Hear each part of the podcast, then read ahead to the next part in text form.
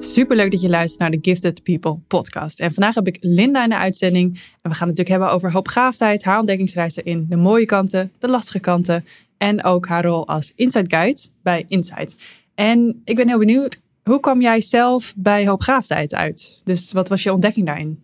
Um, nou, bij mij was het zo dat het tijdens coronatijd uh, zo was dat mijn kinderen opeens thuis les kregen. En daardoor kwam ik erachter bij mijn zoon dat hij ja, best wel veel trekjes had van hoogbegaafdheid. Tenminste, dat was mijn inschatting. En dat was eigenlijk de reden dat ik wat op zoek ging op internet. En um, ja, zodoende kwam ik op een gegeven moment bij Insight uit. En ik ging daar, toen dacht ik, hé, hey, leuk en het klinkt wel interessant. En ik ging zo'n testje doen en dergelijke. Toen dacht ik, misschien heeft hij het niet van een vreemde. dus, uh, dus eigenlijk zodoende kwam ik, kwam ik bij Insight uit. Dus gewoon via Google en door mijn kinderen eigenlijk. Ja, en, en weet je nog het moment dat je echt dacht, oh, dit gaat over mij? Waar was je toen en hoe zag dat eruit voor jou? Um, nou, ik was thuis en um, het was eigenlijk best wel zo'n intensieve periode, omdat je aan, thuis aan het werk was, thuis aan het lesgeven was. Um, en ja, dan, dan ben je dus al best wel in een hectische omgeving, een hectische situatie. En toen kwam ik daarachter en ik had zoveel herkenningspunten dat, uh, ja, dat dat gewoon vet intensief was eigenlijk. Dus, ja. uh, dus op dat moment, ja, het, het, kwam heel erg bij me binnen. En misschien nog wel extremer, omdat je dan ook in zo'n vrij heftige thuissituatie zit op dat moment. Maar um, ja, zo kwam het eigenlijk binnen, ja. ja. En waren er ook dingen waar je zelf tegenaan liep, waarvan je dacht, ja, ik weet eigenlijk niet zo goed waarom dat zo is? Of zijn er dingen die, die je toen bij jezelf herkende? Um, ja, ik denk dat ik. Uh, um, ik herkende dat, dat de, zeg maar de, de situatie van mijn kinderen op de basisschool al en het uh, er tegenaan lopen met het leren, dat je eigenlijk al verder bent dan de rest en dat daar het onderwijs niet per se goed op aansloot. Uh, dat was iets wat ik bij mezelf ook herkende van toen. En omdat je met je eigen kinderen daarmee bezig bent, uh, komen dat soort herinneringen eigenlijk als eerste dan ook bij jezelf terug. Van, oh ja, oh, maar dat had ik ook. En uh, ook in de loop van de periode dat je dan gaat nadenken over je eigen werk en waar je dus tegenaan loopt. Um, eigenlijk precies datzelfde was bij mij best wel een issue. Dat je denkt, hé, hey, ik had bepaalde dingen die ik soms al eerder zie dan anderen. En op dat moment wordt, gebeurt er niks mee. En dan uh, weet ik veel maanden later soms, of misschien wel jaren later, dat iemand komt met, nou, ik heb nu toch een goed idee. En dat je denkt, ja, maar dat had ik toch toen al gezegd. Maar dat is iedereen al vergeten. En dan, ja. ja. nou, zo, zo is zo'n voorbeeld, ja. En waren er ook dingen die je echt lastig vond? Waarvan je zegt, nou, dat zou ik wel graag opgelost uh, zien. Of daar loop ik echt tegenaan? Nou, ik weet niet. Ik denk dat ik zelf best wel mijn weg heb gevonden. Ik, wat ik heel erg merkte was dat uh, het, het, sterke aanpassingsvermogen uh, wat je hebt ontwikkeld. Uh, en dat viel eigenlijk wel heel erg op zijn plek. Dat ik dacht van, oh ja, aanpassen is, is een tweede natuur. Je doet dat zo gemakkelijk. Dus je, je hebt het gevoel dat je overal wel in, ja, in komt. En, en je loopt wel mee. En, en je doet wat er van je verwacht wordt. Um, dus, dus in dat opzicht liep dat allemaal wel.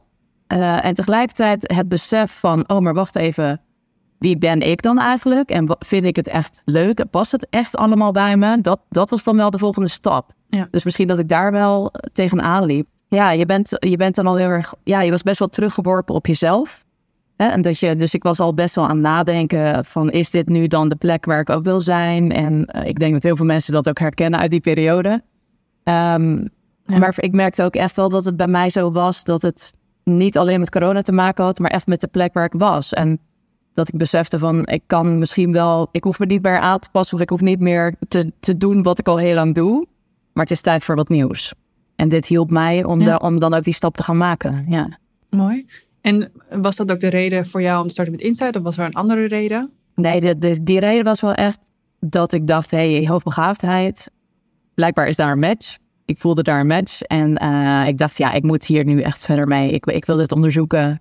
Dus ik ga me aanmelden, want ik, ik wil er meer van weten. Ja. Mooi. En als je kijkt naar hoe je nu in het leven staat en hoe je omgaat met hoogbegaafdheid, wat, wat zie jij als de mooie kanten ervan en waar heb je het meeste plezier aan? Ja, de mooie, eigenlijk vind ik het sowieso iets heel moois. Ik, eh, soms hoor je wel eens van mensen dat het meer een last kan zijn, maar ik denk dat het best ook wel. De, de, de, het woord gave wat erin zit, vind ik wel echt iets heel moois. Omdat je ja, weet je, er zit zoveel in. Je, je ziet zoveel inderdaad heel scherp. Je kan heel snel schakelen. Je leert heel veel dingen heel snel. Ik heb dat eigenlijk altijd ook ervaren als iets positiefs. Ja. Dat, dat je als je iets, iets wil leren en ik zet mijn zinnen erop, dan weet ik dat ik het ook kan. Ja. En dat is eigenlijk iets heel moois. En, en, en eigenlijk een stukje bevestiging dat dat dus daarbij hoort. Dat je wat dingen wat beter kunt plaatsen voor jezelf. Voor mij vielen er puzzelstukjes op zijn plek.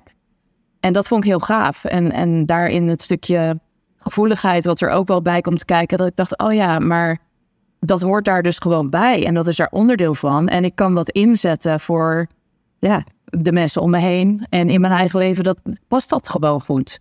En voor de mensen die hoopgaafheid nu als een last zouden ervaren, wat, wat zou je hun willen meegeven?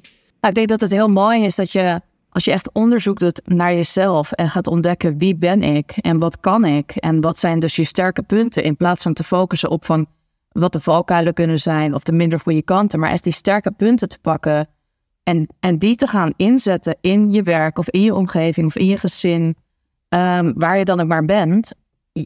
Die, die sterke kanten die je hebt, die zijn uh, ja, heel erg, heel erg mooi om ook je doel te bereiken. En dat, dat vond ik het mooie aan Insight wat mij hielp, was dat ik opeens even kon kijken van oké, maar waar wil ik dan nu over een jaar zijn bijvoorbeeld? Um, en dat, je, dat ik daarover ging nadenken op een ander soort manier. En dat me dat hielp van oké, maar wat, wat heb ik in huis? Wat kan ik? En waar kan ik dan over een jaar zijn? Zou dat überhaupt mogelijk zijn? En dat je dat voor je gaat zien. En het mooie daaraan was dat ik een jaar later bijna alles kon afvinken van dat lijstje. Weet je wel? en dan denk ik van ja, dat is dus iets moois van blijkbaar uh, dit, dit traject. En dat je, dat je dat gaat beseffen, dat het gewoon kan. En, en dan maak je die sterke punten, uh, die, die gaan iets moois teweeg brengen in je leven. Ja, mooi gezegd. Ja, ja. Weet je, aanvullend daarop is het ook vaak dat je de je gaat vooral de last herkennen als je in een omgeving zit waarin je niet matcht of niet jezelf kunt zijn of niet juist de dingen waar je goed in bent kunt gaan inzetten. Ja. En op het moment dat je dat beter begrijpt van jezelf, dan worden die valkuilen ook juist iets heel moois. Hè? Want het ligt ook aan elkaar gekoppeld. Dus als je nu de valkuilen en de last herkent, ja, dan weet je dat aan de andere kant ook bij hele mooie gaven zitten, kwaliteiten. En dat je die dus ook meer mag gaan benutten. Ja, precies, precies.